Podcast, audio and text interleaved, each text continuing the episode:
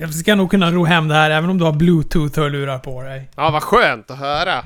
Det står ju Marshall på dem, så jag känner mig som att jag är en otroligt plastig och fake människa just nu. Rockigt. De är inte mina.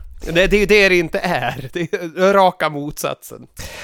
Ha, du, vart vill du börja någonstans? Du, jag vill ju...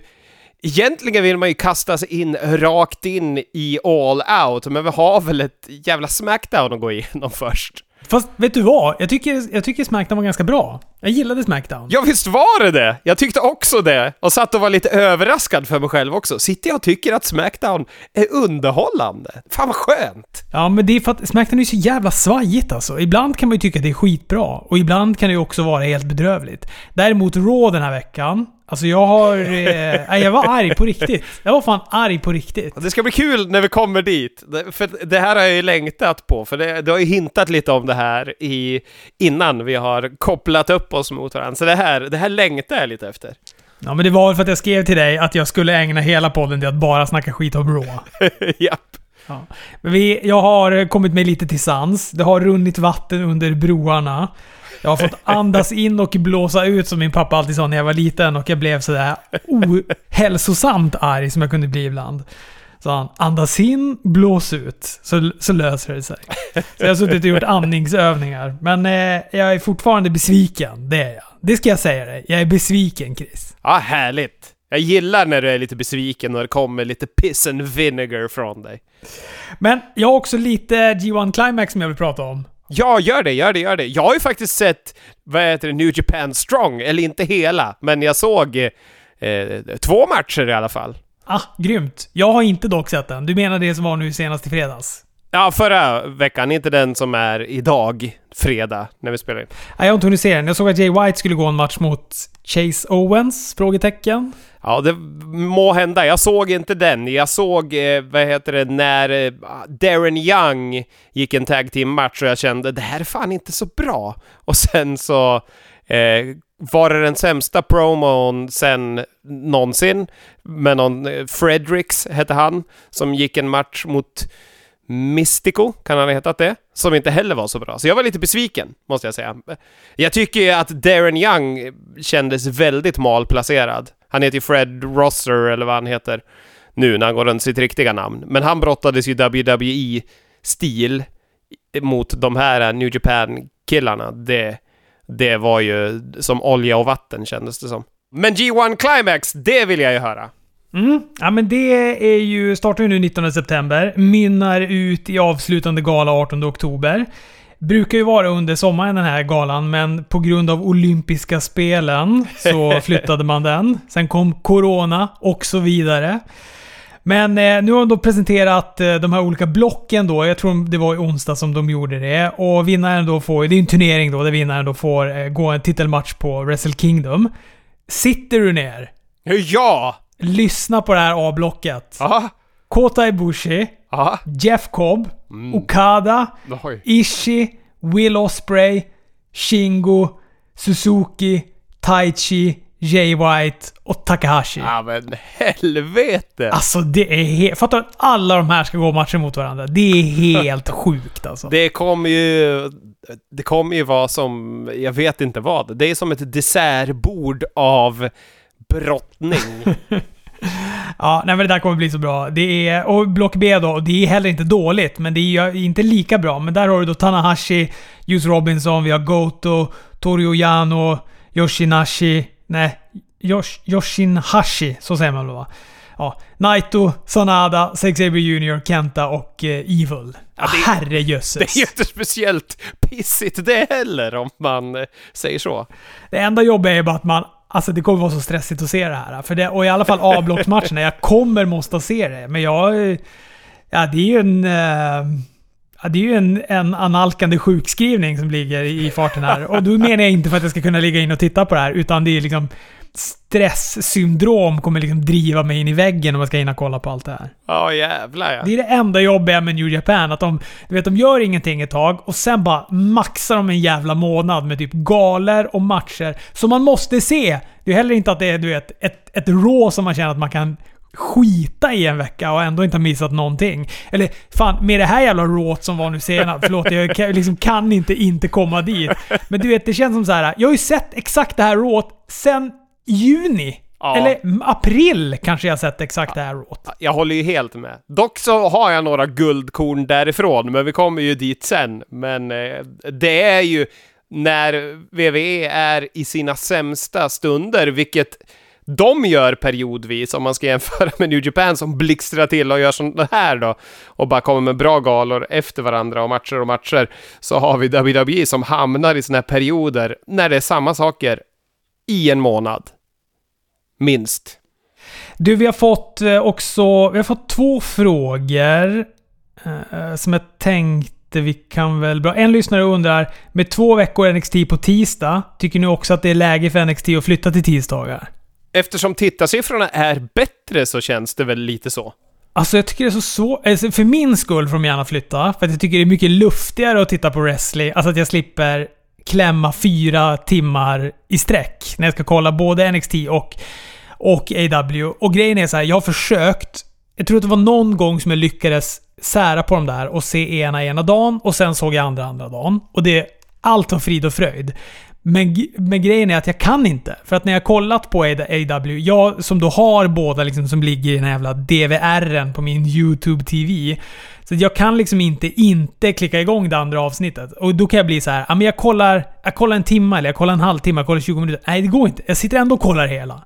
Det skulle ju vara liksom, för, för mitt välmående så skulle det vara skönt om de delade upp det och gjorde det på två olika dagar. Och precis som du säger, för tittarsiffrorna så är det ju... Ja, det var du skickade till mig igår kväll här. AW gick över en miljon på, på senaste avsnittet. Och vad heter det, såg du för övrigt att eh, MJF och Chris Jericho skickade en varsin likadan tweet exakt samma sekund gällande det där? Nej, det gjorde jag inte. Vad skrev de? Ja, eh, vad heter det? Ja, we broke a million for the first time eh, and look who was in the first segment. You're welcome. Och jag parafraserar, men, men ungefär det. Det var i alla fall andemeningen. Ja, kul. Väldigt, väldigt roligt. Ja. Men vad heter det? AEW, eller NXT är ju uppe på 800 000. Väl? På tisdagar. Ja, precis. Jag tror att förra Supertisdag 1, då låg de på typ 900 eller något sånt där. Nu Supertisdag 2 så låg de på 800. Och det är klart, det är en minskning. Men det är fortfarande mer än vad de har när de ligger head to head. Exakt. Och vad heter det, som du säger, om man ska gå, utgå från det du säger, att du tittar ju först på AEW, sen drar igång NXT. Och jag gör ju samma sak. Nu har jag det här, jag tittar ju på Network på NXT, så då blir de ju faktiskt separerade. Det får man ju inte se på torsdag morgon i Sverige, för det måste ju gå 24 timmar eller vad det är i och med att det tv-sänds. Så jag ser ju AW först, sen NXT. Men jag hade nog gjort det, det valet även om jag kunde se dem samma dag. För jag, det är mer brinnande för mig att se AEW. Det är liksom det mer spännande, för det är de man upplever som är de som tävlar mot den här giganten som är WWE och hela deras maskin som NXT är en del av. Om än en bättre del just nu än main roster. Jag är också så. Börjar alltid med AW. Även om jag ibland kan vara så här. Ja men senast, ja i och för sig, då var det ju supertisdagen, så då var de ju på tisdagen, så då började jag ju med NXT. Men det finns gånger annars som jag också har varit lite mer sugen på kortet. Eller kortet, NXT är ju så jävla dåliga på att tala om deras jävla kort. Men de, en match vet man väl i alla fall. Och ibland kan det vara en match i alla fall som jag verkligen ser fram emot. Men då väljer jag ändå alltid att kolla på AW innan jag kollar på NXT. Men AW är ganska luftigt. Det är lite mer lätt-tittat AW tycker jag, än vad NXT är. Även om jag inte... Jag har liksom ingenting att klaga på på NXT, eller vad de skulle kunna göra om. Men det är någonting med luften, det kanske är bara typ det visuella, att de är utomhus, som gör att det känns luftigare och lättare att ta sig igenom. Ja, men sen så är de ju, det är ju lite mer det här att det känns som live-tv och vad som helst kan hända och det är lite konstiga skarvar och, och det är inte perfekt och det gör ju att man får andrum på något sätt medan NXT är ju otroligt producerat. Så där, de är ju otroligt duktiga på att när det ena segmentet tar slut så kommer nästa igång direkt och vi är genast engagerade i nästa del. Men det gör ju att man som tittare får ju inte slappna av på samma sätt som du kan få under en förvirrad AEW-show eh, när de har praktikanter som filmar fel saker och grejer. Det är lite skönare och lite enklare att ta sig igenom. Sen tror ju jag... Jag är bara, du vet så här, skulle... Alltså jag tror inte VVE skulle, även om det allt talar för VVE, att de skulle byta till tisdag, så tror jag inte Vince rent... Eh, ah, vad ska man säga?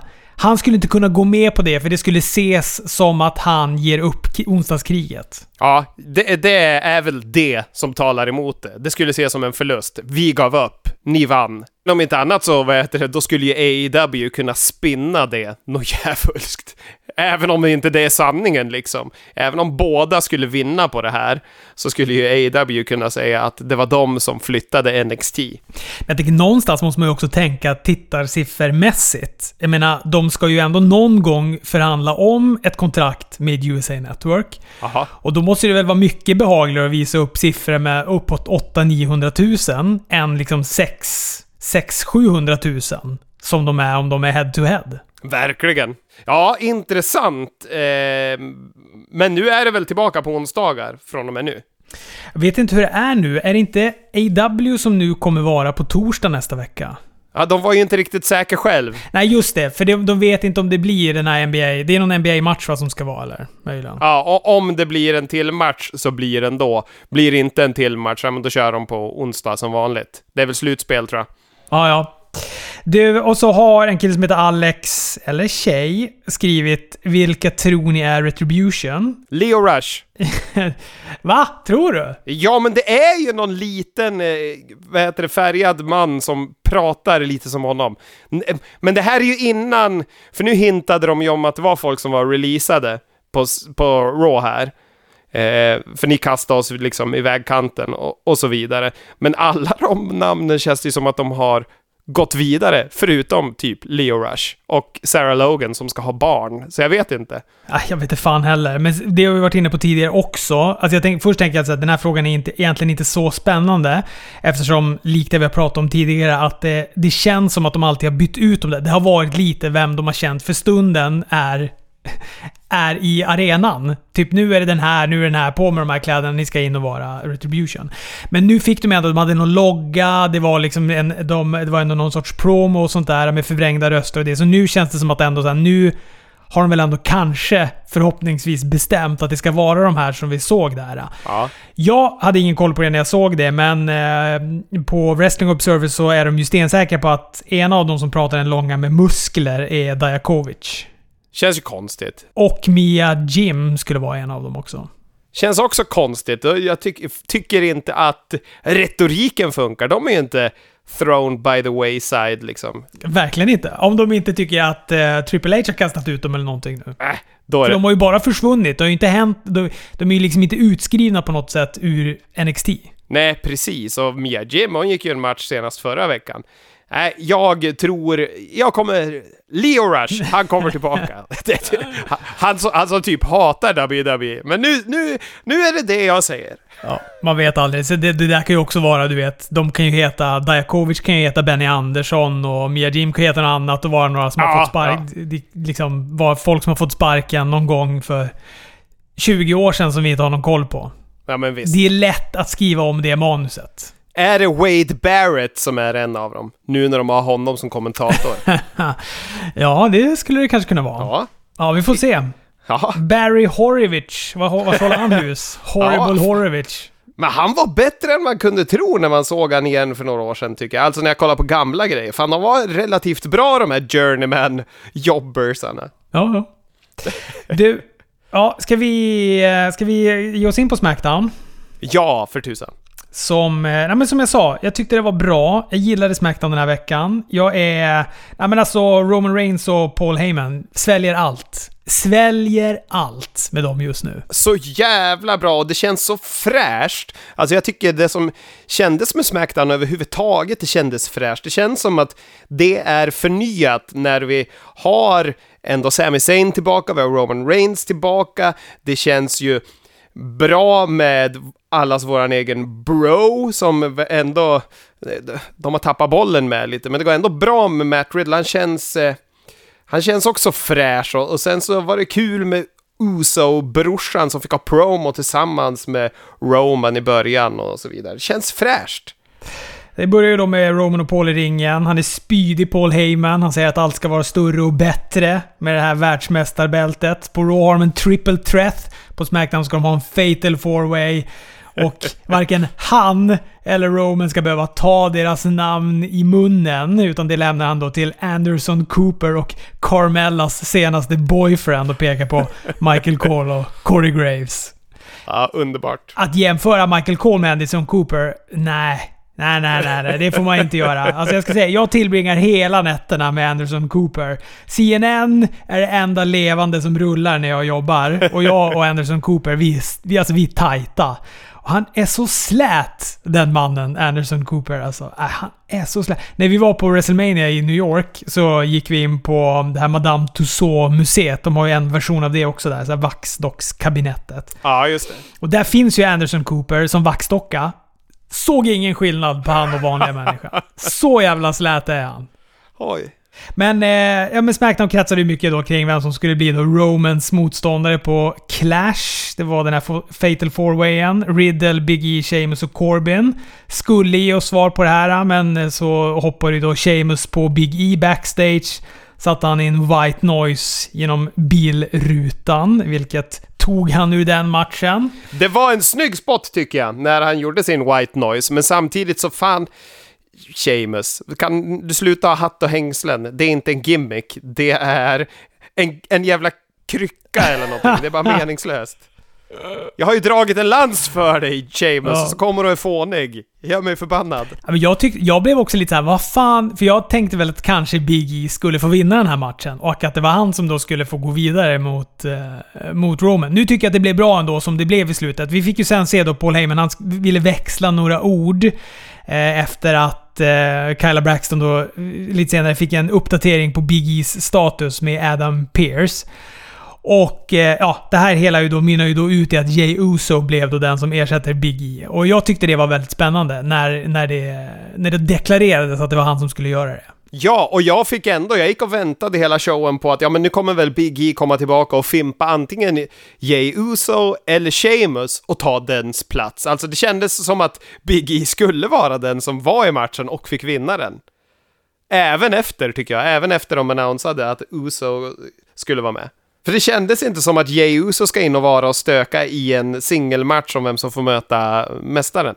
Nej, det var ju det som kändes så himla apart. Men jag blev också så glad ändå när det väl hände. Ja, vi, vi kommer dit. Ja. ja innan det så fick vi ju då i alla fall Miss Morrison som förlorade mot Heavy Machinery. Jag hade redan glömt att Otis hade den här Money in the Bank-väskan. Eller nu har han den lite längre för Morrison stal ju den efter matchen.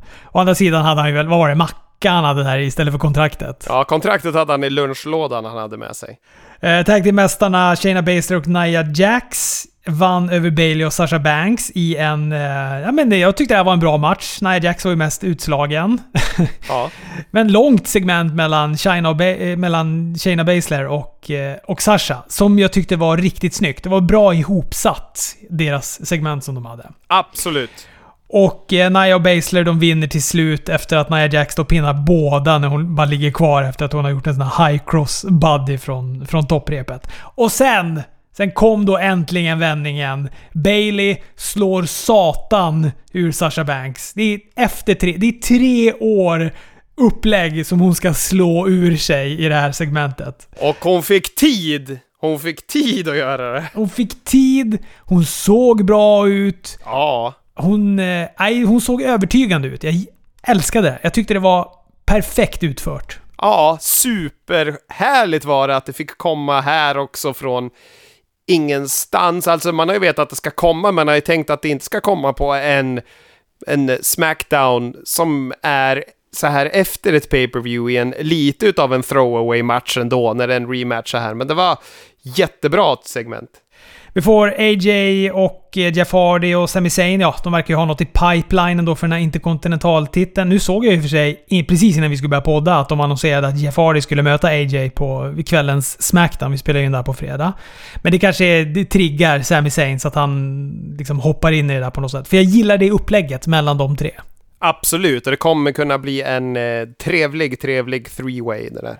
Triple threat. Bray Wyatt lovar en ny fiend eller någon ny vän som ska dyka upp nästa vecka. Är det Alexa Bliss? Ja, det kanske det är va? Hon stod ju och kramades där med Nikki Cross utan hundraprocentigt samtycke. Och då var Ramblin' Rabbit där i, i bakgrunden.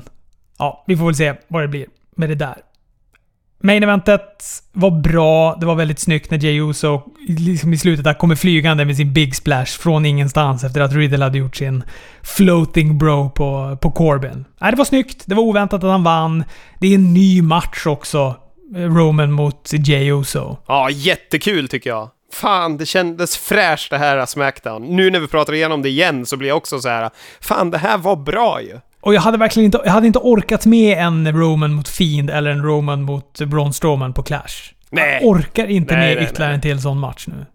Så nu blir det bra. Nu får han gå mot Jay. Jay Uso kommer ju verkligen inte vinna den. Men det kan säkert leda till någonting mer om inte annat. Ja, om inte annat så är han ju en bra brottare som kan få Roman att se så brutal ut som man vill bygga han nu. Fan vad bra Roman Reigns är nu tycker jag. Du, visst, det var ju också något videopaket där med någon annan debut. Det var någon i klackar som tog några steg och la en päls över kameran. Vem kan det vara? Det vet inte fan. jag vet inte.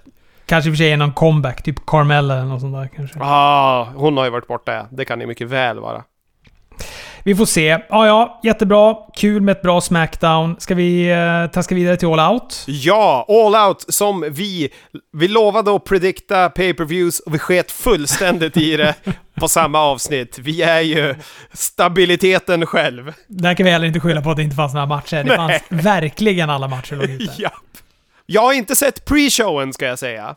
Nej, det har faktiskt inte jag heller gjort. Jag brukar ganska ofta... Jag har gjort det till en grej att jag skiter i pre-showen. Jag får ju lite dåligt samvete mot Serpentico som jag tror att jag borde gilla.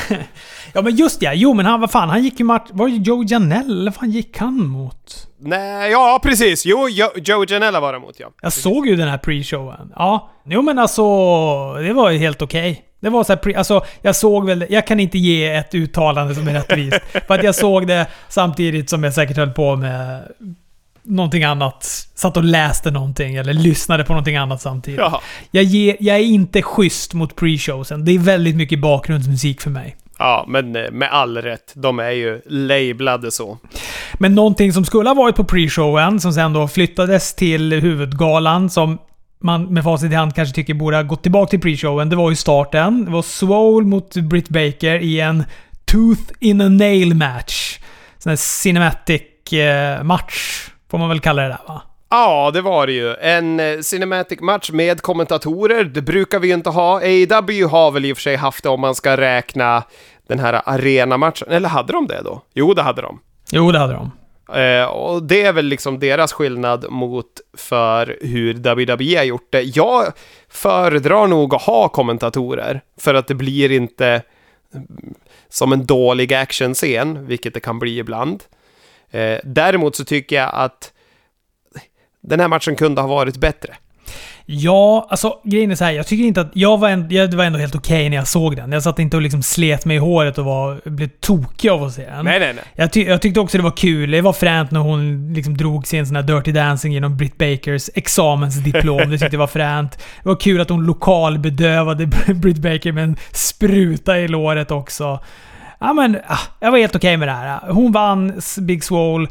Kanske att den här matchen inte skulle ha öppnat. Kanske att de skulle ha lagt den här senare då istället. Eller att den hade kunnat vara på pre-showen. Ja, jag håller med. Men jag tycker också att den är okej. Alltså den här var ju en, en mellanmjölksmatch. Den gjorde väl vad den skulle. Även liksom för att maskera att Britt Baker inte är 100% också. Då kunde de ju göra den på det här viset. Men jag gillar personligheten ändå som kom fram ifrån bägge under matchen. Jag tycker att eh, det är bra, för det bygger både Swole och Britt på ett bra sätt. Skulle gärna ha slippt, sluppit hon Rebel. Mm, ja, Reba. Jag, jag tänkte precis säga det också, för hon skulle behöva fräscha upp sina skådespelarkunskaper lite grann. Det var ett överspelande och det grövsta. Ja. Men eh, Bucks och Jurassic Express, det är en match man inte skojar bort. Nej, jag tycker ju att det är en Eh, jättebra match och jag tycker den är bra även ur en storyline-synpunkt eftersom fokuset är ju inte på Bucks konflikt med, med Jurassic Express, utan det är ju liksom konflikten i dem själva och konflikten i The Elite och hur de liksom ändå blir svin mot det här teamet som de har varit polare med och liksom gått många matcher mot andra och helt plötsligt så liksom kör de eh, ruff-taktiker mot Jurassic Express. Tycker det var väldigt bra eh, rent angle och storyline-mässigt. Ja, jag gillar att de, eh, alltså det klär dem att de är på det här dåliga humöret, Young Bucks. Att de brottas på det här dåliga humöret. Det är, speciellt när man liksom superkickar Marco Stunt, så hatten han hade på sig åker in i huvudet på honom. Ja, underbart. Och fan Jungle Boy alltså. Vilket jävla tryck det var i Jungle Boy under den här matchen. Han, ja. han är så bra den pöjken. Han är ju också så jävla mycket bättre än han var för ett år sedan. Fatta vad den här eh, killen kommer vara fenomenal om två, tre år. När han är ännu mer liksom säker på sig själv, han eh, vågar ta ut svängarna mer med att agera och så vidare. Jag tror att han eh, kommer vara en sån jävla stjärna. Mm. Ja, det är en, en bra en kurva som han har. Verkligen. Eh, och jag tycker också det var snyggt. De gör ju då eh, liksom avslutare på avslutare på Jungle Boy, men han kickar ut gång efter gång. Men efter en Being Elite Trigger så fixar han det inte mer. Eh, och eh, de vinner matchen. Men kul match. Alla var bra. Jungle Boy var en stjärna. Ja. Inget att tillägga. Den här skulle... Jo, den här skulle ha fått öppna. Då hade det varit mer energi på galan. Vi får den här Casino Battle Royalen. jag säger som JR. Det är en pina att referera en Battle Royale. Det är ju, jag, jag, tycker att det är ett kul koncept, det här att de kommer in i kluster. Eh, och några tankar kring den. Det är ju så mycket, det händer så jävla mycket så det är svårt att gå igenom allting. Men några tankar.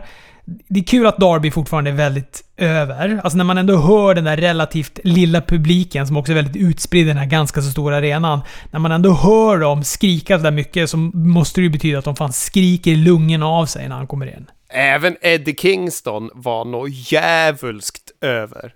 Det står som punkt nummer två på mina tankar. Kul också att Eddie Kingston funkar med publiken. Men, och jag måste bara få säga det också apropå Darby där.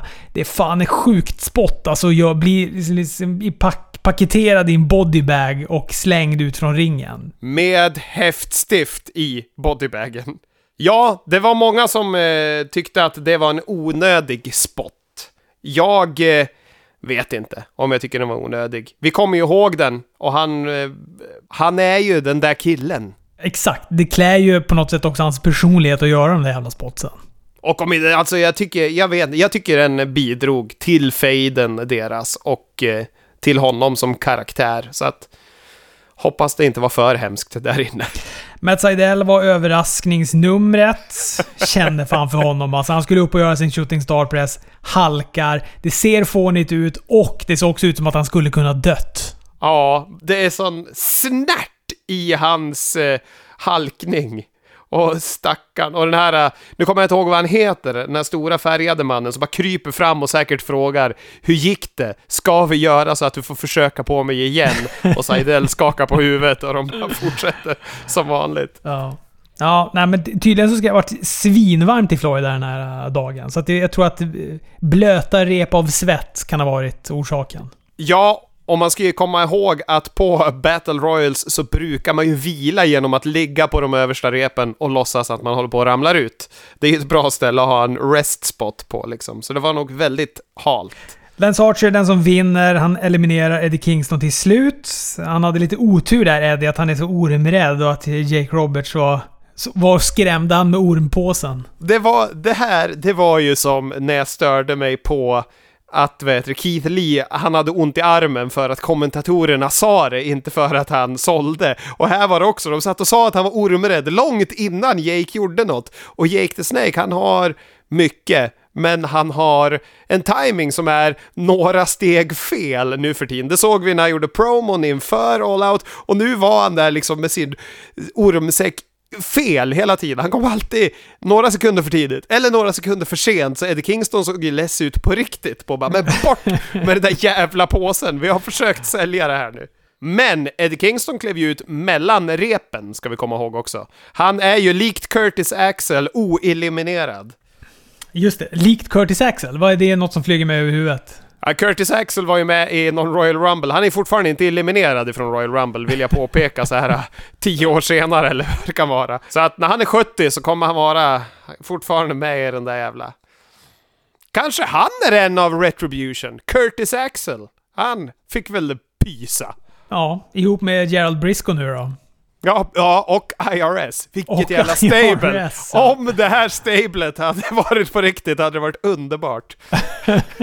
Apropå Gerald Briscoe så ska jag säga att det verkar ju inte det lättaste att sätta ihop en Battle Royal och eh, eh, det saknas nog typ en Pat Patterson eller liknande som brukar vara den som sätter ihop Royal Rumble åt WWE varje år. För den var ju stökig och rörig den här Casino Battle Royal tycker jag. Ja, jag tycker att jag har sett dem bättre. Jag har för mig att jag tyckte förra året var bättre, året innan det också var bättre. Så att eh, det var nog en av de... Ja, det var kanske till och med den sämsta Casino Battle Royalen jag har sett. Ja, jag håller med. Men det är också så här, allting är så jävla annorlunda. Du vet direkt som jag börjar tänka så här, ja fast vad fan, det finns ing, ingen liksom, eller nu det finns lite publik. Men det är långt ifrån en fullsatt arena där folk skriker och du vet du får all den adrenalinruschen av de sakerna. Så det känns som att allt sånt där kan jag ändå ha lite överseende med det här året, om inte annat. Ja, jag tänker att eh, när vi sammanfattar All Out så ska jag återknyta till det där också. Men jag missade ju att, eh, att han klev ut mellan repen. Det var ingenting som jag såg under galan. Utan när han sa det sen på, liksom på, eh, på Dynamite här nu då i, i onsdags. Ja, Så jag bara, vad fan, vadå? Vad har jag missat? Jag var tvungen liksom sitta och googla tills jag hittade att folk skrev att äh, men han klev tydligen ut i mellanrepen där. Men då undrar man ju, var det uttänkt? Eller är det en miss? Och så gör de en grej av det nu? Alltså de gör en vinkel på det nu efteråt, eller? jag hoppas att det är uttänkt och att vi kommer få se honom om titeln här framöver. Alltså, för mig hade Eddie Kingston gärna kunnat få vinna den här. Nu kanske det är lite tidigt. De, det, de kanske ska liksom jobba in honom i AEW lite, lite mer innan han vinner den. Ja. Annars var det väl Lance Archer som kändes som det självklara valet. Ja, verkligen. Hörde du att, de, eh, att WWE hade ringt honom dagen efter han gjorde matchen mot Cody på Dynamite? Vem hade ringt Lance Archer? Nej, vad heter det? Eh, Eddie Kingston. Jaha, okej. Nej, jaha. Erbjöd honom eh, kontrakt dagen efter han hade varit på Dynamite. Åh fan. Men eh, då sa han det till AEW och då fick han kontraktet av dem. Här, du kan skriva på om du vill. Då gjorde Tony Khan sådär snabbt som man bara kan boka Ja. matcher. Nej men, nej men tydligen så vad heter det, har WWE varit ryckt i Eddie Kingston förut, men inte som brottare utan som tränare. Och det vill han inte. Han har tackat nej på grund av att då skulle han bara vara, vara gammal och bitter och, och förbannad på de han tränade som fick lyckas när han bara misslyckas. Så att eh, han eh, insåg ju att han skulle trivas bättre på AEW och eh, valde att signa med dem därför. Lyssnade på intervju med honom här i veckan och eh, jag är ännu mer kär i han. Super, fan han verkar ha en sån passion för, för wrestling och när han pratar om hur han bara studerar hur Bret Hart säljer saker, att han ja, kanske inte är lika atletisk så han kan sälja det på det viset, men han vill kunna förmedla samma saker. Hur han eh, ty tycker om japansk brottning jättemycket och att hans dröm var att få brottas i All Japan och, och äh, han var supersympatisk och härlig att lyssna på tycker jag. Och väldigt rakt fram och tydlig med vad han tycker. Hatar Chris Hero bland annat. Mhm. Vad spännande. Vad har han gjort han? Det gick han inte in på. Han, vad heter det, älsk, han har ju bott med Cesaro till exempel och tycker han är en stor dum hund, men jättesnäll. men som, som bara kommer och skriker den i örat när man har varit ute och festat. Är du bakfull eller? Vad sysslar du med? Det får jag kolla upp. Vi fick också med att det mot Semi Guevara. Började ju bra och hårt. För hårt, uppenbarligen. Fan vad otäckt det var när han eh, drar i huvudet i betongen efter spottet från gaffeltrucken där med Atari alltså. Ja, ramla från eh, toppen av en gaffeltruck, eh, ska landa i ett bord och landar med typ ländryggen i bordet, vilket medför att eh, han slår i skuldrorna hårt i cementen och kan inte hålla upp huvudet och knocka i huvudet. Man ser ju direkt att det där gick nog illa. Aubrey Edwards framme, kollar, bryter direkt som hon bör, vilket gör Matt Hardy vansinnig. Ja, alltså jag såg ju det här live. Så, kollade du live eller? Nej, jag kollade på morgonen dagen efter. För det, det tar ju väldigt långt, alltså den där minuten som han ligger och är helt orörlig, då hon bara du vet, försöker liksom få kontakt med honom. Ja. Det, den kändes ju som fem minuter när man satt och kollade på det. För det är precis som du sa, man ser ju att det här gick inte som de hade tänkt. Man ser också på Sammy att han blir stressad. Och eh, man ser också... Men vad fan, alltså han rör ju sig. Han ligger ju blickstill. För jag tänkte så här, han är fan förlamad. Han har, blivit, han har, typ, han har knäckt nacken eller någonting. ja. För han, han rörde sig inte alls. Men sen börjar han ju ge då lite livstecken och sådär. Aubrey, Abbott, eh, eh, Aubrey slår av, liksom, slår av matchen och de där sakerna. Precis som du säger, som hon bör. ja. Men sen liksom tragglar han ju ändå upp sig där och det är väl för att de då har den här konstiga stipulationen att Exakt. han skulle få lämna AW ifall han förlorade matchen. Då kan de inte... Då, kan de liksom, då tror de i stundens hetta att de inte kan räkna ut honom. Men du vet, så här, alla hade ju köpt ifall det bara hade varit så här. nej, det är liksom... Det är X... Det är, det är kalla på båren-spottet här nu och sen så... Alltså alla såg att det gick åt helvete. Ingen hade ifrågasatt det här. Ifall de bara hade skitit i att fortsätta den här matchen här.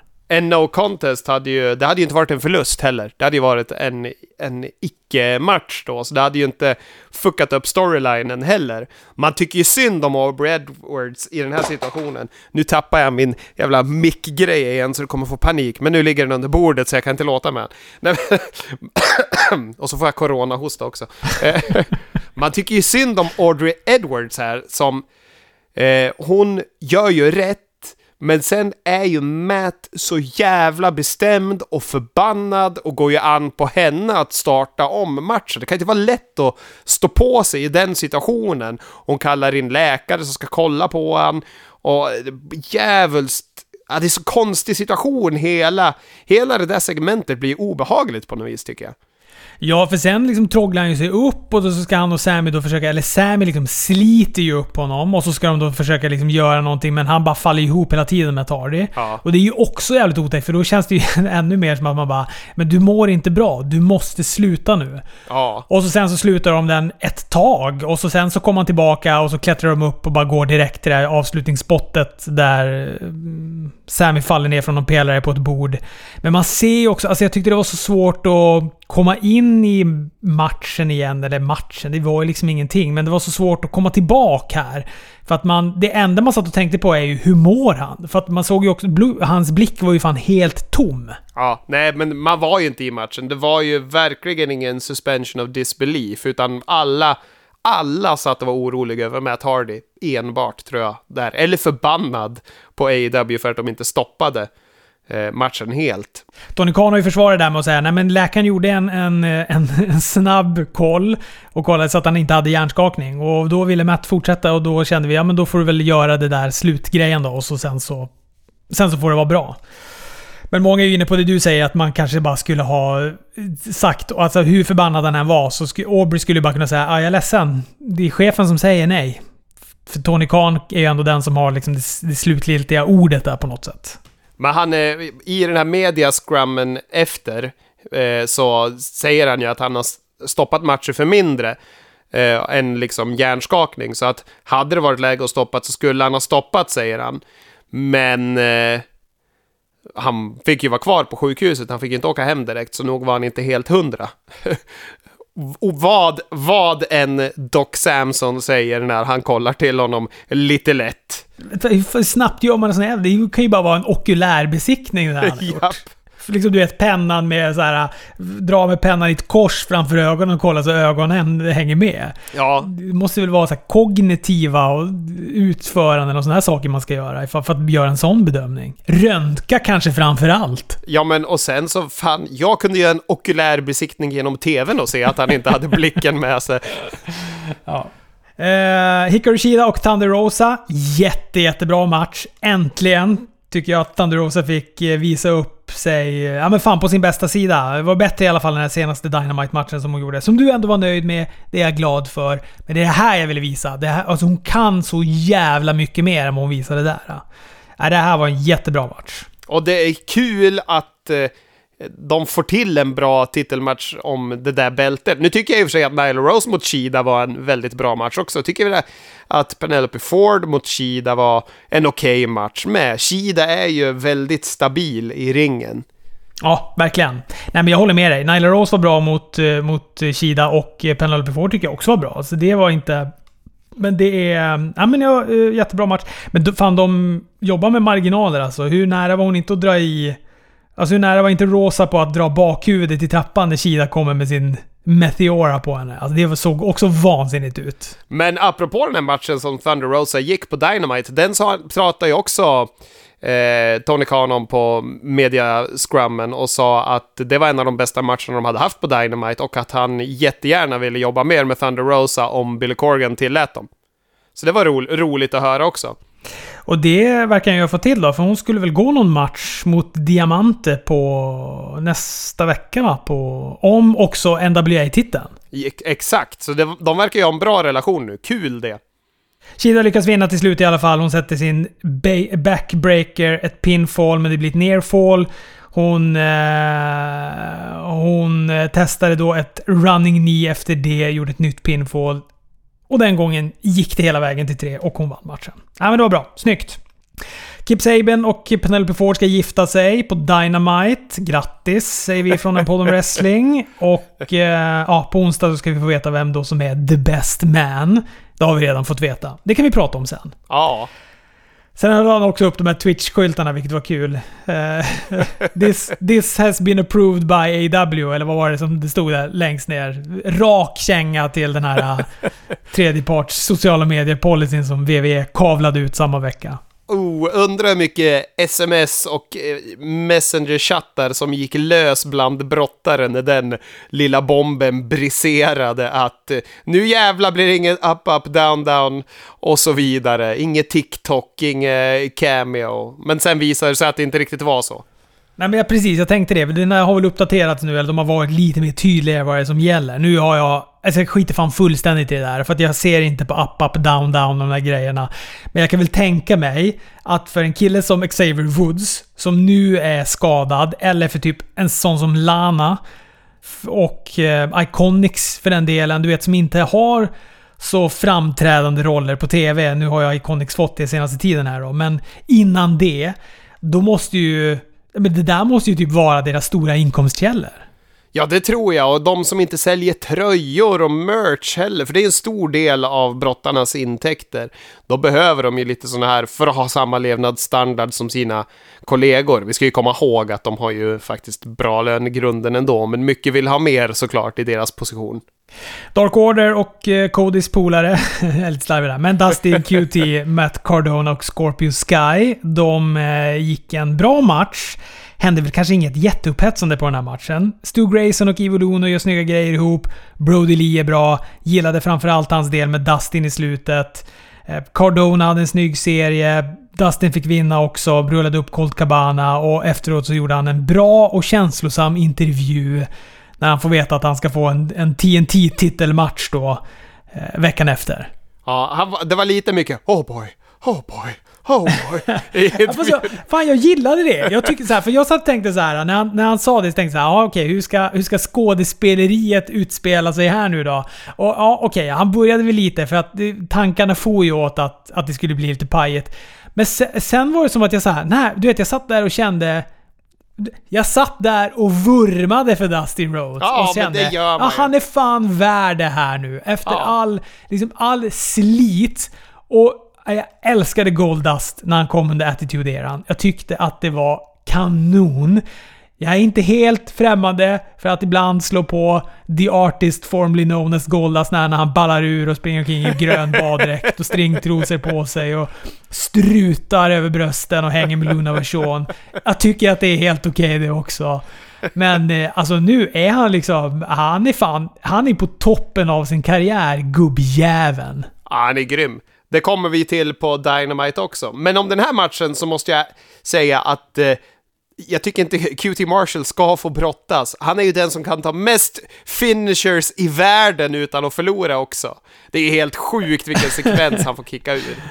Hårda ord från Chris Dybeck här. Du vill inte att, att, att QT Marshall ska få brottas överhuvudtaget. Nej men jo, kanske på Dark kan han få brottas.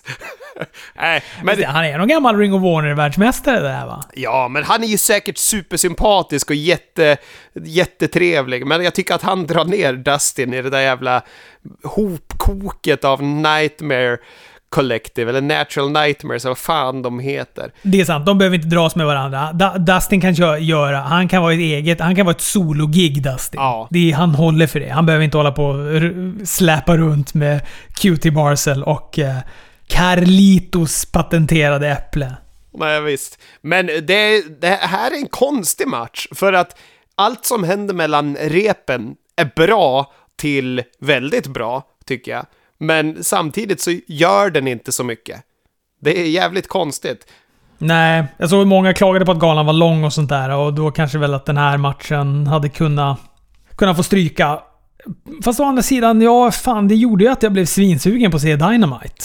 Ja, den byggde ju på några bra saker. Den byggde ju att det blev en eh, schism mellan, vad heter det, Brody Lee och eh, Colt Cabana. Den liksom bristningen har ju kommit nu, för Colt Cabana gjorde så att de förlorade.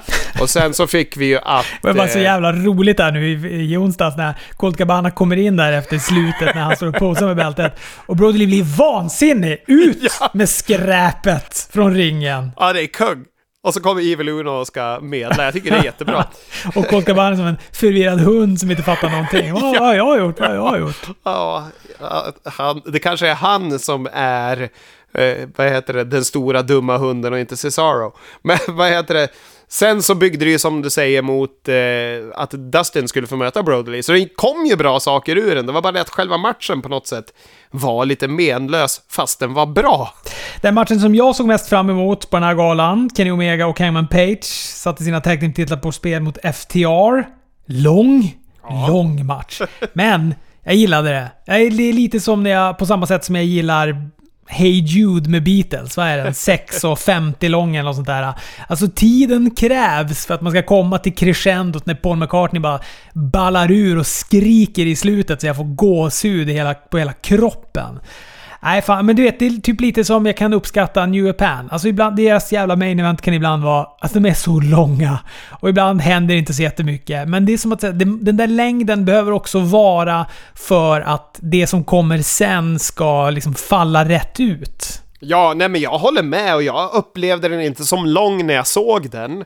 Utan var ganska investerad hela tiden måste jag säga. Jag tycker ju att det är fyra fenomenala brottare som går den här matchen. Så att jag var investerad hela tiden och tyckte den var bra. Den hade kunnat varit bättre tror jag, men vad fan, då är man ju jävligt kräsen om man tycker att en, en åtta borde vara en tia. Liksom, vad fan. Omega råkade av misstag sätta en V-trigger på Page, vilket i sin tur då lät FTR nagla Spike Piledriver efter att de röjt Omega ur vägen. Page kickade ut efter den första, men den andra Spike Piledriven blev för mycket. FTR vann, satte P för Omega och Page 288 dagar som tag team-mästare. Han var bra. Ja, helt rätt. Och efteråt Omega... Omega? Omaga? Vad hände med han på men han är väl död. Ja, det är han. Ja. Trist. Ja. Efteråt Omega frus- frustrerad tar fram en... Jag trodde det var en stol, men jag, bord eller vad var det? Det var en sån här klappbord eller någonting. Skit. Ja, något litet fällbord. Ja, det kändes helt... Husvagnsbord var det som man lyckades få tag på. Hur ont gör det att bli slagen med det egentligen? Ja, men det var ju första gången i wrestlinghistorien det kom in ett sånt där bord, så man blev ju förvirrad. Det var lite overkligt, som dåliga dataeffekter när han plockade in det där. Ja, men han gick då... Allt tydde på att han skulle eh, piska på Hangman Page med det här äh, bordet, klaffbordet, husvagnsbordet. Men han ändrar sig och eh, stövlar sen ut i ringen. Stövlar ut i parkeringen, säger no tycker att han säger någonting om clean. Jag har inte läst någonting om det eller hört några andra poddar prata om det, så jag kanske bara, det kanske är bara min, mina egna förhoppningar att han säger något om det. Men det, är- fan, det osar ju liksom the cleaner, bad guy Kenny Omega om honom. Så jag hoppas på det. Han eh, postade väl en bild på Mr. Clean på sin Instagram, tror jag. Alltså eh, tvättmedelsmärket. ja, det, direkt så började jag tänka på den här Millencolin-låten. Du är ju så jävla 90-tal du. Cassidy och Jericho går, går den här Mimosa Mayhem-matchen. Ja, och ändå två rätt smakfulla kar vid ringsidan. Det där. De här matcherna med vätska kan ju annars vara lätt motbjudande. Ja, nej men jag tyckte att det, själva presentationen var snygg. Den var ju bättre än matchen nästan. Alltså det, det såg proffsigare ut än vad jag hade förväntat mig. Nej men och jag tycker väl, alltså matchen var vad den var. Ja, den var vad det var. Jag tycker varken illa eller bra om den. Alltså Cassidy, han tog sig ur en Walls of Jericho med hjälp av att skvätta lite mimosa i ögonen på Jericho. Han sätter en orange punch, fortsätter lite fram och tillbaka. De är hela tiden nära karet, de doppar tårna, de doppar luggen. Jericho tar upp Cassidy på topprepet, ska väl göra någon sorts Razors Edge-variant därifrån, men Cassidy lyckas åla sig ur. Sätter två stycken Superman punch och efter den andra så faller Jericho ner i drinken och förlorar matchen. Bjussigt av Jericho att eh, försöka göra Orange Cassidy till en stjärna. Det är ju helt rätt, rätt slut på den här fejden. Men eh, man skulle kanske haft omvänd ordning i matchkvalitet, för den första var ju den överlägset bästa. Moxley MJF om världsmästartiteln blev en blodig historia, i alla fall för MJF. Jag tycker Moxley, han såg ut som en kannibal efter att han, han var och bet MJF i pannan där och fick blod, hans blod i hela ansiktet. Ja. ja det såg ut som någon sorts, eller kanske någon sån här uh, Walking Dead zombie-historia eller något sånt där. Ja, men det är riktigt bra main event. Fan, Moxley kanon, MJF enastående alltså. Ja, och han hade, han måste ju ha legat i hård träning under karantän. Han hade bättre kropp än vad han har haft någonsin tycker jag och är ju en jävligt bra brottare, inte bara bra på micken utan han är ju en allround-stjärna, och jävulst. Ja, men eh, Moxie dominerade ju ganska stora delar av den här matchen. Fram till att han skulle då gå för en paradigm shift som då var förbjudet. Då piggnade MJF till. Satte en draping eh, pile driver eller heat seeker eller vad fan han nu kallar den. Ja, Fingrar i ögonen, low blows, crossroad. Och så... Ja, han har väl momentum fram till att Wardlow kastar in då den här diamantringen. Hoppar upp på ringkanten så han då får domarens uppmärksamhet. Då passar Moxley på att nagla en paradigm shift. När domaren inte ser. Tar pinfall och vinner matchen. Superbra avslut. Ja, men, och jag tycker att eh, bägge gör själva den spotten så jävla bra med sina minspel båda två. Och, eh, superbra. Ja, och så det är bra för att skydda MJF. För att han behöver inte förlora rent. Alltså han har, egentligen har han vunnit. Han ska ju vara världsmästare. Om nu titeln skulle bytt plats här ifall han nu hade använt den där uh, paradigm shiften. Han har ju fuskat. Jajamän, äh, jätte. Jag tycker den här matchen levererade nog till och med över mina förväntningar.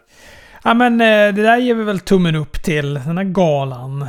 Ja, jag tror att när jag såg den så kände jag lite så här. Äh, fan, den borde varit bättre, men den marineras i mitt minne och sen så tänker man på hur fenomenala deras pay-per-views brukar vara. Det är dumt att sätta den här i sämre dager bara för att de har en liten halvkackig Battle Royale och de får en hjärnskakning och de har en cinematic match. Men i övrigt är det ju bra liksom.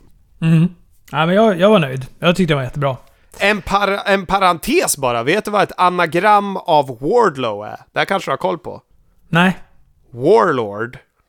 Alltså, det måste ju vara därför han heter det. Jag tror att Wardlow är hans riktiga namn. Är det så? Mm. Ja, men då så. Då är det bara en lycklig träff att ett anagram av en bitig jävla 80-talsbrottare, 90-talsbrottare. Ja, jo men det, det är sant. För jag vet att när, jag, när han var ny och du googlade upp honom för att jag ville ha lite koll på honom, för jag hade aldrig sett honom innan. Och då läste jag att, att han heter så. Det är hans riktiga namn. Jaha. Ja, bra namn att ha som riktiga namn, för det är ju unikt. Ah, jag ser, jag, det är så jävla mycket text här för Raw nu och jag är så jävla osugen på att prata om det här. Så jag, nu kommer jag gasa Chris. Nu kommer jag gasa. Och du drar i, i den här uh, På spåret-bromsen när du har något du vill säga. Jajamän! Och jag kommer inte vara på gott humör.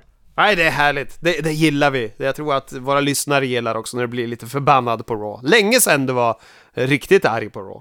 Orton är i ringen. Bygger sin match mot Drew McIntyre. Visar bilder från förra veckan när han då hade spöat på honom backstage. Så till den milda grad att han fick åka ambulans till sjukhuset.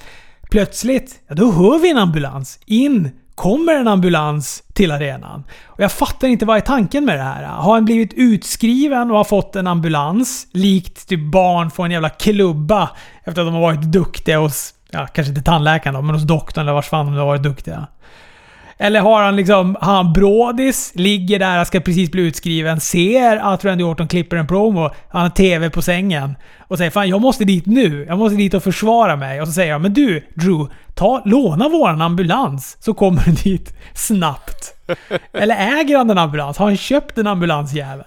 Ja, det är mycket frågor! Vad är det de vill sälja med den här historien? Att han kommer in med en ambulans. Vad är det de vill tala om för oss?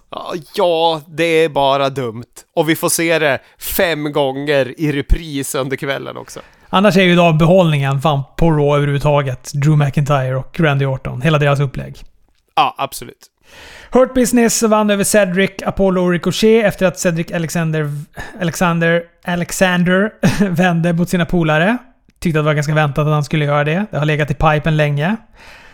Street Profits möter Garza och Andrade. Vi börjar kunna de här parningarna nu. Plus att vi är tillbaka på ruta ett, där Garza och Andrade inte kan samarbeta.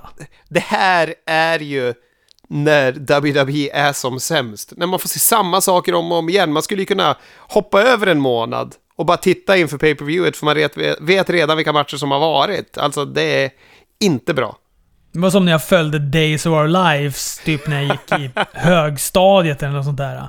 Det, vet, jag såg det på sommarlovet. Det började klockan tre eller så här. Det, det, började på, det började på TV3 när jag vaknade. Så att och kollade på det. Gick jag, sen gick ett helt år och så kom nästa sommar och så satte jag på det igen och kollade på det. Jag hade ju missat ett helt år av avsnitt. Jag kunde ändå hänga med, för att ingenting hade hänt. Nej, men så är det ju verkligen när WWE är i sina sämsta stunder liksom. Nej, fy fan. Jag blir så irriterad på det här. Jag, tycker det är, jag tycker det är skit. Nu i och för sig, i och för, om vi ska ge någonting till försvar för det här och så knallade ju ändå Garza ut och lämnade dem när Retribution spöade på dem. Alltså spöade på Selina och Andrade. Och så var det någon mer som gav sig på. Var de fyra då? Ah, jag minns inte. Skitsamma. Men det kanske då ska vara... Det är väl det då som ska vara anledningen till att de tjafsar nu igen. Ja, jo, men de har ju tjafsat om annat förut, så vad fan, säger jag. Släpp det, eller gå Ja. vidare. Ja, exakt. Eh, eh, Garza knallar i alla fall ut. Nakamura, Nakamura och Cesaro, de knallar in. De eh, vill eh, visa hur riktiga mästare ser ut. Tack vare då den här äh, brand to brand invitation, säger de nu, på Raw för att utmana Street Profits. Så nu minns Vince tydligen då sin brand to brand invitation helt plötsligt. Ja, nästa vecka så verkar då matchen bli av. Här var det ju intressant att se ändå skillnader i, i skills on the mic. Cesaro och Nakamura får Dominic Mysterio att framstå som ett proffs och Street Profits käkar upp Smackdown-mästarna med sina mix-skills. Nej, det är klasskillnad där i alla fall kan man säga. Men det ska bli kul att se matchen.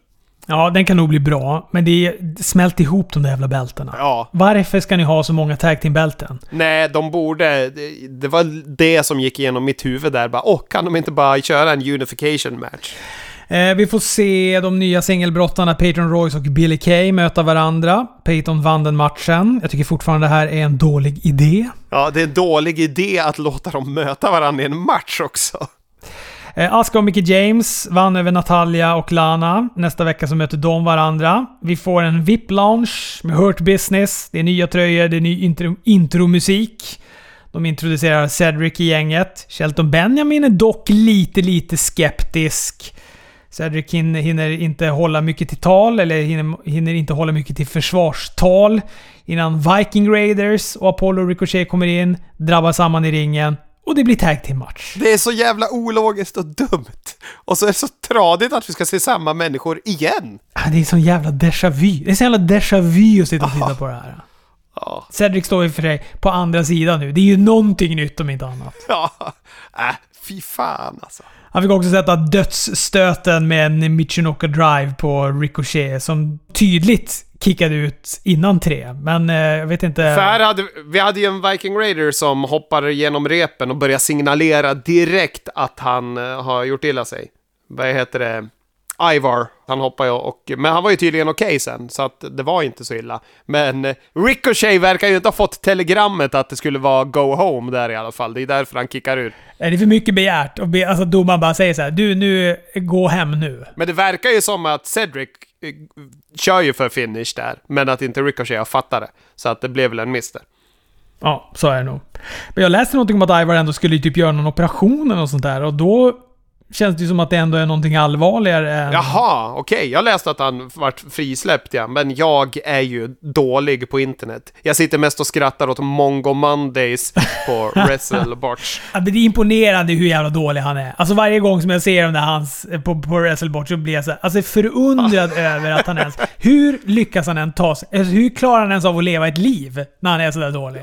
Hur lyckas han ens ta sig in till ringen? Ja, men tänk att han är en four horseman under den där tiden. Det är så jävla dumt. Säga vad man vill om att David Arquette var världsmästare, att Mongo fick vara en four horseman när man ser dem där, det är ju helt sjukt. Men jag måste även säga att den bästa botchen jag har sett där, det tycker jag är när det är Mike Awesome mot Dean Malenko i någon form av tag team.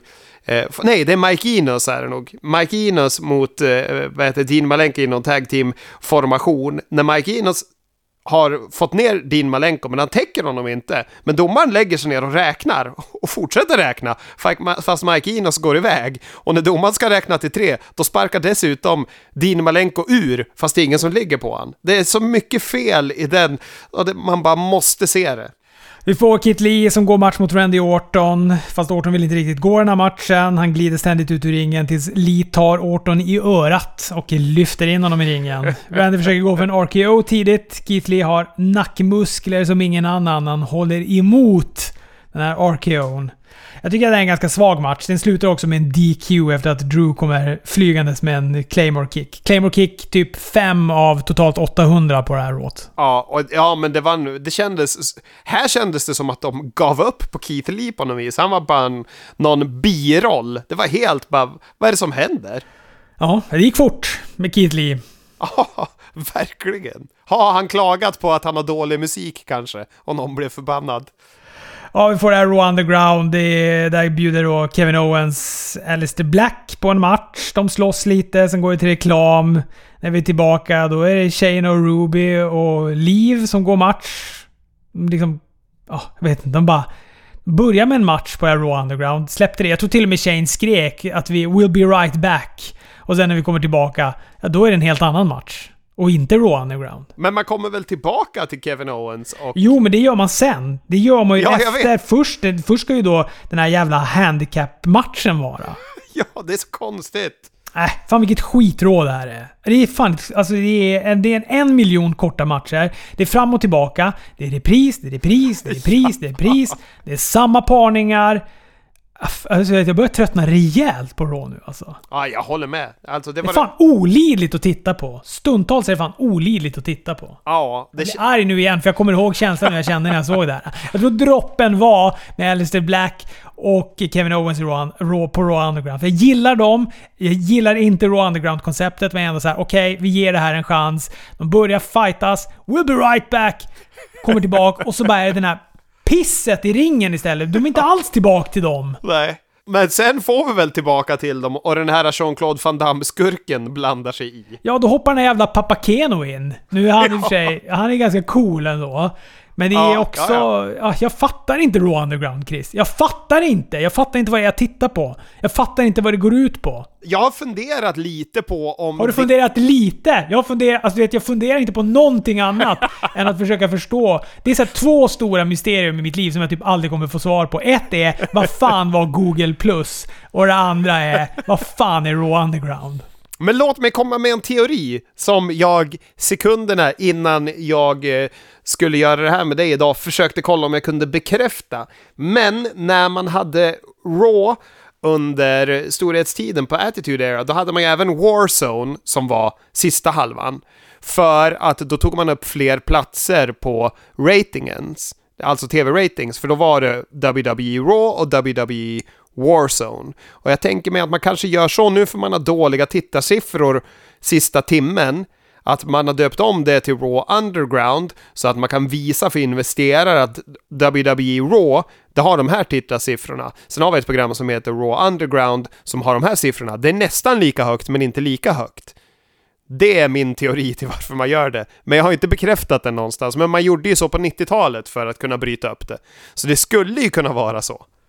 Men jag, och så, jag skulle kunna köpa ifall de gör, alltså viger hela sista timmen då till Raw Underground. Men låt det vara Raw Underground då, men då får det bara vara det.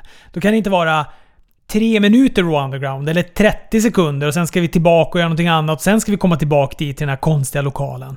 Då får det liksom vara hela timmen så att jag kan slå av. Ja, ja, ja. Så jag bara behöver se två timmar. Nej, nej, nej, vi ska ju ha all main... Vi måste ju ha main event och grejer och konstiga matcher emellan. Ja, det här main eventet var i och för sig bra. Jag gillade det. Dominic mot Murphy i en street fight. Jag, menar, jag var ju så trött här, vilket är synd för att... Ja, men jag gillar Dominic och jag gillar Murphy. Sen är det väl kanske att Murphy och Dominic, det är ändå... Ja, men säg det för några månader sedan att det skulle vara main eventet på ett Raw. Jag tycker det här var bra. Det är ju chockerande att Dominic Mysterio ska vara den, det liksom segment som var roligast att titta på på Raw. Att, vad heter det, och att han dessutom nailar den här jävla säl eh, Canadian Destroyern som en jävla smäck. Om man kan naila en smäck. Men han sätter ju den så jävla mycket bättre än vad hans farsa gör. Så grym var den tycker jag. Ja, och jag gillade också avslutet. Jag tycker det är coolt att liksom hela familjen Mysterio står och spöar på Murphy. Vet, De tar ut all skit som Dominic har fått utstå. De, här liksom bilderna när han är helt blodigt, blåmärken och helt söndertrasad av den här jävla candlesticken som han och... som Murphy och Seth Rollins då spöade på honom med för några veckor sedan. Bara slå på hela familjen. Vad är Lillasyrran är där, mamman är där, Ray Mysterio är där. Nej, det gillade jag. Det tyckte jag var coolt. Ja, håller med. Sen får man väl också... Alltså vet man klagar ändå på... Alltså Dominic, det är ändå det är en ung och ny brottare. Som de pushar. Kors i taket. Det, ja, jag gillar det. Ja, jag, jag tycker att eh, han är ju fan det mest intressanta. Jag vill bara att han ska få stöka av den här storylinen så man får se hur kan han fungera i något annat då? Kommer han kunna stå på sina egna ben när vi inte blandar in familjen? När han inte har två jävligt bra brottare som Seth Rollins och Buddy Murphy som står på andra sidan ringen. Hur kommer han fungera mot andra? Kommer det funka då? Det är ju det intressanta. Eh, vi tar NXT Super Tisdag del 2 som... Eh, ja, var lite överraskande att det öppnade med titelmatchen. Men det, ja, gjorde, verkligen. det gjorde mig på bra humör. Ja, då gnuggar man ju händer och bara fan, here we go. Det kändes jättebra tycker jag. Och för att också känna såhär, ah, okej, det här kommer få ta sin tid. Ja, Och jag tyckte den var kanon. Finn Balor mot Adam Cole då, den här sudden deathen. Det var- är väl kanske rimligt också eftersom det avslutade och de sa att det var en sudden death. Sa de inte också att det var no time limit på den och sånt där, då måste de väl börja med den. Det är konstigt om de sätter en 10 minuter innan avslut och säger att det är no time limit. Då är man kanske lite väl optimistisk. fan här vet du får vi logik. Inte konstiga leasade ambulanser som kommer in och stör promos. Ja, nej men jättebra match. Fan, när Cole kickade ut efter shotgun, dropkick och grace, då skrek jag. Det här, det var ju fröjd. De- här två är så jävla bra. Och det var så skönt att de fick utrymme. Och, ja. Och jag, och älskar också att det var så nära flera gånger. Han satte sin 1916, men hela tiden så lyckades liksom Cole slingra sig ur. Eller han gick liksom för den där 1916 hela tiden och så lyckas Cole slingra sig ur och ta sig ur den och knuffa undan Balor och sånt där. Till slut så sätter han den från eh, topprepet, räknar ut Cole och... Eh, ja, Finn Balor, ny mästare. Ja, bra. Det här var bara bra. Finns ingenting att klaga på. Det enda jag satt och tänkte bitvis var att hur kan det vara så här bra matcher på en veckoshow på NXT när jag har suttit och varit förbannad på Raw? Ja. Och att det är samma förbund. Ja, exakt. Innan den här började tänkte jag så här, vem som helst kan vinna den här av de här två. Jag är helt okej med Cole som mästare, jag är helt okej med Finn Balor som mästare. Men att jag ändå kände lite, lite mer för Finn Balor. Ja, så du gjorde det. Jag eh, höll ju på, fan jag ville att Adam Cole skulle vinna lite mer. Men jag är jättenöjd med att Finn har bältet också. Det känns som att han behöver det mer på något vis. Han är lite mer vilse i, i sin position tycker jag på NXT. Men nu är det ju superface eh, Adam Cole vi ser. Ja, han tackar ju för matchen för fan. Då är man ju Ring of Honor god. Ja, och heller inget, och inget fulande i slutet. Alltså ren, ren vinst med rent grepp. Inga undisputed som kommer in, inga domarspots, inga low blows eller något sånt där. Ren vinst. Robert Stone har hittat eh, Shotzi Blackhearts leksaksbil, ska slå sönder den. Jag har nog aldrig varit så nära tårar av glädje som jag är här. Tyvärr så dyker Shotzi upp då. Nitar Robert Stone. Alia hoppar på eh, Shotzi bakifrån. De åker in i Io Shirai. Alla fyra hamnar i ringen. Moonsault och Senton och efter så poserar Shotzi några sekunder med Ios bälte. De byter några allvarliga blickar mot varandra. Och det är det. Så det är väl det som ligger i pipelinen där och kanske någon sorts titelmatch mellan de två. Ja, de ska väl mötas på nästa NXT tror jag. Så kanske det var. Ibland undrar jag om jag slumrar till när man får de där redogörelserna vad som händer nästa vecka. Eh, Bronson Reed mot, mot Austin Theory. Överraskande bra match ändå. Ja, jag håller med och jag tycker även att det var överraskande mycket personlighet från Austin Theory. Jag tycker han är en sån här som är jättebra i den här no crowd-eran. Att man, man får personligheten i ringen och att... Eh, jag tyckte han gjorde ett jättebra jobb att sälja och bli misshandlad och bli spöad fast han samtidigt var jävligt kaxig liksom. Det var enda som jag störde mig på, det var de hade någon konstig sån här Jurassic Park-effekt som de hade lagt på när Bronson Reed stampar i ståltrappan och kameran du vet, skakar till. Japp. Ja. Det var lite fånigt. Ja, ja. Men eh, det, var, det var kul. Bronson vann också matchen. Liten kille mot stor kille. Fast inte på buskis sätt. Nej, nej, nej. Theory försökte lyfta upp Bronson på sina axlar, men ryggen gav vika. Bronson hamnade rakt över honom. upp på topprepet, big splash, pinfall, tack och godnatt. Härligt. Jag tycker det är skönt att de bygger Bronson Reed vidare. Eh, vad fick vi mer? Vi hade Undisputed Eras Roderick Strong som gick match mot Killian Dane. Bobby Fish blandade sig i lite utanför. Där han drar undan Strong när Dane ska gå in för sin Vader-bomb. Det här stör Killian Dane som tappar fokus. Strong hoppar in ett knä, vinner matchen. Ganska ljummen match tycker jag. Ja, och ljummen storyline. Också lite konstigt, för här är Undisputed Era heliga och Adam Cole är ju superface nu känns det ju som, som sagt. Ja, lite pingpong med Undisputed Era där. Men det är väl det, den slutgiltiga face... Spiken i kistan kommer väl vara att de vänder mot Adam Cole, kan jag tänka mig. Nu snart. Sen kommer ju Drake Maverick kommer in och räddar dagen. Han har baseballträ med sig. Ja. Hjälper Killian Dane. Och sen ska han väl sträcka ut handen för att tacka, men då åker han på en käftsmäll istället. Jajamän. Jag tycker att vad heter det, Drake Maverick ser lite ut som en hovmästare eller någonting när han kommer in. Han ser inte riktigt ut som en farlig brottare i alla fall. Nej, det är lite hovmästarskimmer över honom. Helt klart. ja. ja, också under hela NXT så hade vi också den här middagen med Tegan Knox och Candice LeRae hemma hos Gargano som slutade i bråk med en caesarsallad och någon pasta bolognese var och en trasig 52-tums LCD-TV. Där jag tror de är missnöjd över att det inte varit så visuellt snyggt. Det är som att de står och väntar på att TVn ska ramla och så bara nej, det hände inte. Fan. För slutpoängen är att han är arg över att TVn har gått sönder. Skulle också vara. Main eventet, Steel Cage match mellan Rhea Ripley och Mercedes Martinez. Ria fyller buren med bord, stolar, kendo sticks innan de låser in henne och slår igång matchen. Ja, men jag gillar den här. Tyckte den var rå. När Ria kickar Martinez huvud så det åker liksom ut på andra sidan buren. Alltså kläms igenom en springa. Eh, vid liksom ringstolpen. Det är kändes Mick Foley tycker jag. Ja, jag gillade det här. Tyckte det var en hård match och som du säger, det var och kändes nytt tycker jag med den här spotten med huvudet ut genom buren och sådär. Det kändes fräsch för att vara en cage match. Rhea låser in Martinez i sin Prism Trap, eller Standing Inverted Texas Cloverleaf, men Martinez lyckas liksom nå en kendo stick och med lite hjälp då av den slå sig ur. Robert Stone, han lägger sig i, försöker klättra in, men Ria däckar han halvvägs upp. Han blir liggandes på stålburens kant. Ria sätter en riptide från ringstolpen genom ett bord och vinner matchen. Ja, men det var bra. Kul avsnitt av NXT det här. Absolut. Vill även påpeka att min kära sambo kom in när jag satt och tittade på den här matchen och bara Vad är det där?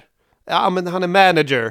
Varför klättrar han på en bur? Ja, men han, han vill in och störa. Varför har han mockasiner? Han ser ju för jävlig ut. Sen gick hon iväg. Mockasinerna tycker jag klär honom. Däremot så klär honom inte att han blir liggande. Han, han hänger ju halva matchen på den här buren. Ja, men det, Pigna det, till nu för fan. Jag tycker att det klär honom. Det får ju mig att vurma för honom, att han fastnar i sådana där situationer. Eh, vi hoppar på AW också. Det gör vi. AW öppnar med Jericho och MJF som eh, tycker båda att de har blivit blåsta på sina matcher. Säger att snart kommer du vara mästare. Pekar på varandra. När kameran sen följer med dem eh, därifrån så säger båda unisont “loser”. Tycker det var ett jättebra segment faktiskt. Jag, jag gillade det supermycket. Jag, det fick mig glad och fick mig känna förhoppningar inför den här showen. Första matchen Jurassic Express mot eh, Lucha Bros. En eh, kanonmatch tycker jag. Det går ju inte att få det dåligt. Vi har ju sett Lucha Bros i en risig match, men eh, sen har de återhämtat sig. Ja, och så tycker jag också det var kul att eh, Jungle Boy får ta pinfall här också. Han rullar ju upp Phoenix, tar pinfall till tre. Eller, och det gör han väl efter att han kastat in Phoenix i eh, Pentagon, Pentagon Juniors... fan heter han Pentagon Junior? Vad fan heter karln? Pentagon Dark? Han heter Penta El Zero Miedo nu va? Han har så många olika namn. Ja men det är ju det är någon så här copyright-grej med CMLL eller någonting. Så därför har han ju bytt från Pentagon Junior till Penta Zero M nu i AEW. Han hette ju Pentagon Dark i alla fall när han var i Lucha Underground. Penta Zero M som gör att JR är totalt förvirrad på micken. Eh, men det, Jungle Boy kastade då in Phoenix i Penta så att han åker på den här Panama Sunrisen som var menad för Jungle Boy istället och tar då det här pinfallet och lyckas vinna. Och det är kul att han får vara nyckelspelare. Bröderna Lucha är irriterade på varandra efteråt. Eddie Kingston han försöker medla mellan dem. Lite långt kanske. Det är ett jävla tjat om att skaka hand. Mynnar ut i, ja, hör och häpna, de skakar hand. Men jag tycker att det var bra! Ja, men jag tycker att det var lite långt. Jag kan hålla med om att det var lite långt, men jag kan tycka att det var lite på att han var lite tjatig på micken. Han, vad heter det, sa ju samma sak. Jag tror inte segmentet i sig var för långt så, men jag tycker även att det, det jag tog med mig var att jag tycker att, vad heter det, The Blade var ganska bra på att agera i det här segmentet. Och jag tycker det är skönt att få se personlighet ifrån Lucha Bros som är duktiga på att agera. Sen så tycker jag kanske att Eddie Kingston rörde till det lite, tyvärr då. Vi får ett fint tal från Matt Hardy. Det är ju skönt att han mår bra. Han eh, ska vara hemma, han ska vila lite. Sen ska han komma tillbaka. De hade väldigt eh, politiskt ställt hans fru och barn i publiken för att visa att hon inte stämmer förbundet efter sina tweets. Ja, hon gick ju åt ganska hårt där va, på Twitter. Ja, men nå djävulskt. Med all rätt, det är väl klart att hon sitter hemma och är livrädd, men... Eh, Fan, så att jag hemma och var livrädd när jag såg det live. Tänker att hon sitter där med sina barn och kollar på det här. Sen så går det ju att vara kanske lite smart och inte attackera eh, sin mans arbetsgivare där och liksom gå bananas och kalla honom, alltså kalla Matt för en idiot och grejer. Det är dumt att göra saker offentligt kanske, som inte går att radera. Eh, orange Cassidy gick match mot Angelico. Kort uppvisningsmatch. Cassidy vann på en Orange Punch. Efter så dyker Santana och Ortiz på Orange bakifrån. Best Friends kommer in till Cassidys hjälp. Utmanar Santana och Ortiz i en match nästa vecka. Parking Lot Brawl surrar de om. Det här, är det, en, det här är det enda på AEW som jag är lite less på. Det är den här fejden. Best Friends mot, vad heter det, eh, Santana Ortiz. Det är det enda jag liksom tycker att, ja men det här, det har vi sett alldeles för mycket nu. Gå vidare. Det är roligt att, för just den här Parking, parking Brawl, eh, eller nej, så heter det inte. Parking Lot Brawl, så heter den va? Ja. Den matchen var ju egentligen adresserad för ganska länge sedan. Typ precis när pandemin slog till och de var tvungna att börja ställa in allting. Ja, precis. Då var det ju den här och den här uh, War games Blood and Guts. Blood and Guts, ja. Just det. Jag gillar ändå det. Att de ändå är så här, äh, har vi lovat dem en sån här match, då ska de få den. Det gör mig också trygg, för då vet jag att vi kommer få en Blood and Guts-match här. Någon gång också förhoppningsvis. Så fort publiken är tillbaka, då jävlar smäller de in den där buren. Det garanterar jag. Kip Saban ska presentera sin Best Man. Först kommer det in någon som har subscribat på hans Twitch och missförstått det hela. Sen kommer Brian Pillman Jr in. Han är det inte heller. Det var lite synd tycker jag. Han missuppfattade något sms eller vad nu det var. Till slut så presenterar han då Miro, the artist formerly known as Rusev, som sin best man. Ha, här hade ju Rusev gåshud, visade han direkt när han klev ut att fan, jag har gåshud, stod han ju och pekade på armarna. Vilket gjorde att Chris Dybeck fick gåshud på sina armar. Tyck, tyckte det var jättehärligt att se. Eh, och responsen i publiken. Och sen så tycker jag eh, det bästa är att hans kroppsspråk när han står och liksom spänner sina armar och dunkar dem upp och ner i luften. Det är ju som ett jätteglatt eh, litet barn på ett och ett halvt år. Man kan inte vara äldre än ett och ett halvt år och ha det där kroppsspråket. Det är något, något rart över att han gör så när han är glad. Grejen är att jag har aldrig varit särskilt förtjust i Rusev. Jag, jag, jag tyckte aldrig Rusev Day var så spännande.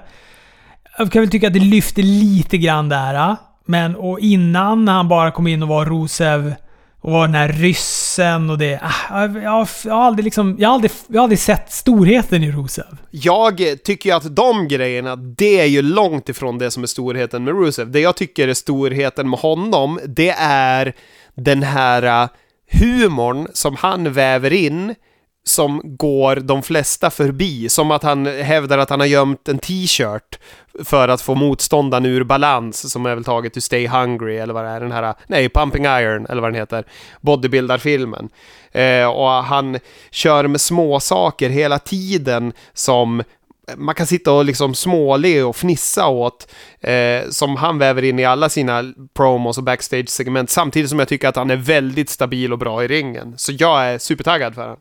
Ja, kul för dig då. Ja.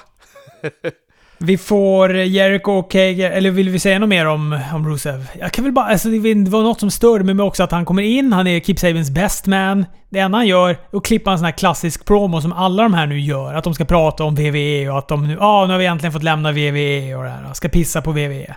Jag tycker att det är, det är större när folk är som John Moxley och bara är så här. Ah, jag har lämnat det förbundet. Nu är jag här. Ja, fast går vi vidare. Fast han klippte ju någon jävla super, när han pratade om sitt paradigm shift. This is a paradigm shift. Den var ju också en väldig känga till WWE. Dock den bästa WWE-kängan någonsin tycker jag, för att det var en sån jävla bra promo. Ja, i och för sig. Satt också i Jerikos podcast i två timmar konstant och pissade på WWE. Han sa väl också såhär, jag respekterar WWE jättemycket, jag älskar att ha fått vara där, men... och sen, det var ju två timmar piss. Men vad heter det, det jag kan säga är att jag tycker att Rusev hade en fånig t-shirt, han borde inte ha Eminem, blonderat kort hår, alltså vad fan, se ut som en farlig kille, inte som någon snubbe som faktiskt ska vara best man på något bröllop, för han gled ju in som att han skulle till en tiki-bar eller någonting, jag vet inte. Ja, nej, jag har också lite åsikter om hans kläder, men vi får väl se, det kanske... Han kanske kollar på det där själv och inser att sådär, sådär kan ju inte se ut. Nej, nej, nej. Han var stolt över det på sin Instagram, så mer Gucci-tröjor i framtiden. Jericho och Hager, de gick tag till match mot Janelle och Sonny Kiss. Jag gillar ändå Janelle och Sonny Kiss. Det är en lite brokigt, en brokig duo. Ja, och jag tycker återigen att Janella och Y2J, som han inte är nu för tiden i och för sig, men Le Champion, att de är jättebra tillsammans i ringen. Jag tycker de, de verkar verkligen vara bra danspartners liksom. Och... Eh ja, men Jericho och Hege vinner matchen. Introducerar sig sen som tag, tag team och ska gå efter tag team-titlarna. Tycker jag är jätteroligt också. Det kändes fräscht. Alltså, det är kul när de sätter sin liksom top heel kan man väl ändå kalla Jericho. I alla fall den som ska dra tittarsiffror och så. Att han ger sig in i den där riktningen istället för att försöka stöka in honom så han ska gå mot Moxley igen och, och så vidare, för den har vi redan sett och där har han förlorat. Här gör de inte en WWE-grej och snurrar på samma personal som ska gå matcher mot varandra om och om igen, utan vi introducerar nya monster åt Moxley att dräpa, likt WWE gjorde med Hulk Hogan på 80-talet och 90-talet. Jag tycker ju det är jättesmart eh, hur de bygger upp förbundet och då är det bra att Jericho kan få jaga en titel på ett annat sätt och lyfta andra. Fan, det här är kung tycker jag. Ja, och framförallt lyfta tag team-titlarna. De gör ju också inte som WWE och pissar på sina tag team-titlar och menar på att det här är någon skit som folk får... Ja, när de inte har något annat att göra, då sätter vi ihop dem och så får de hålla på lite där, alltså, som tag team. Exakt. Här är ju ändå så här, det är precis som du säger, det är deras top heel, en av de som drar mest. Som ska gå efter tag team-titlarna. Det pushar ju upp tag team-titlarna också enormt mycket. Verkligen. Äh, det, här, det här känns bra. Fan. MJF lägger ner sin kampanj. Han är också förbannad på Wardlow. Eh, nu kanske det är läge att bryta upp de här två och köra dem i ett program. Vi får också veta att det är MJF som betalar Wardlow. Han är inte anställd av Tony Khan. Han är inte anställd av, NX, eller av AW överhuvudtaget. Utan det är ju det är MJF som betalar hans, hans pengar, hans lön. Ja, det är fint. FTR och eh, Tally Tully har någon liten celebration mm, i ringen. Sen de eh, då erövrade tag team-titlarna. Det är ballonger och grejer. Äh, de roastar ju mest andra tag som står runt där. SCU och Jurassic Express och Private Party som får sig någon känga där. Jurassic Express, de ledsnar till slut. Och, och häller får... is på dem också. Som de nog... De trodde nog att det skulle vara mer vätska, men de häller bara hårda iskuber rakt i huvudet på dem, så får de låtsas bli blöt. Hårda iskuber och aluminiumburkar, ja. förmodligen fulla också. Ja, fy fan. Inte skönt. Nej. Ricky Starks är utklädd till Darby Allen, bygger på deras upplägg. Ser fram emot den matchen, tror det kan bli väldigt, väldigt bra.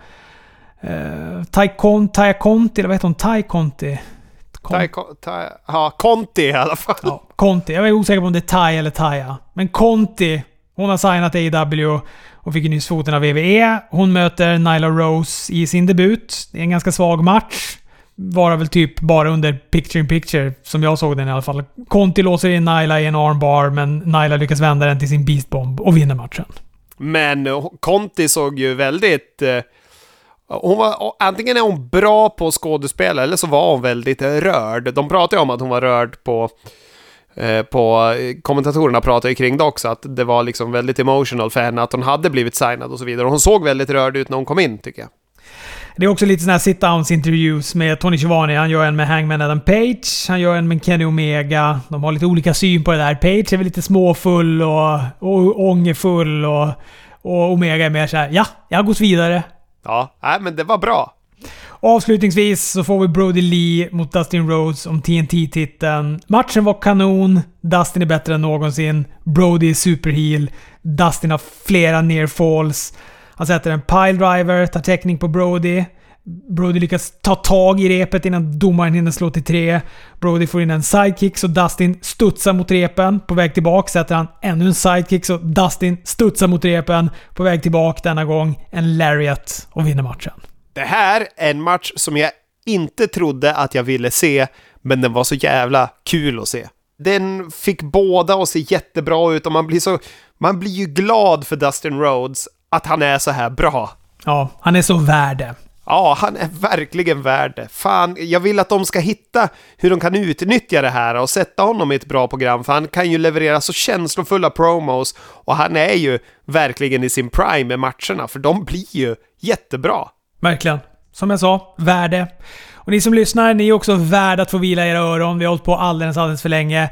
Det här har varit en podd om wrestling med Robert Frank och Chris Dybeck. Och vet ni vad? Vi hörs om en vecka igen.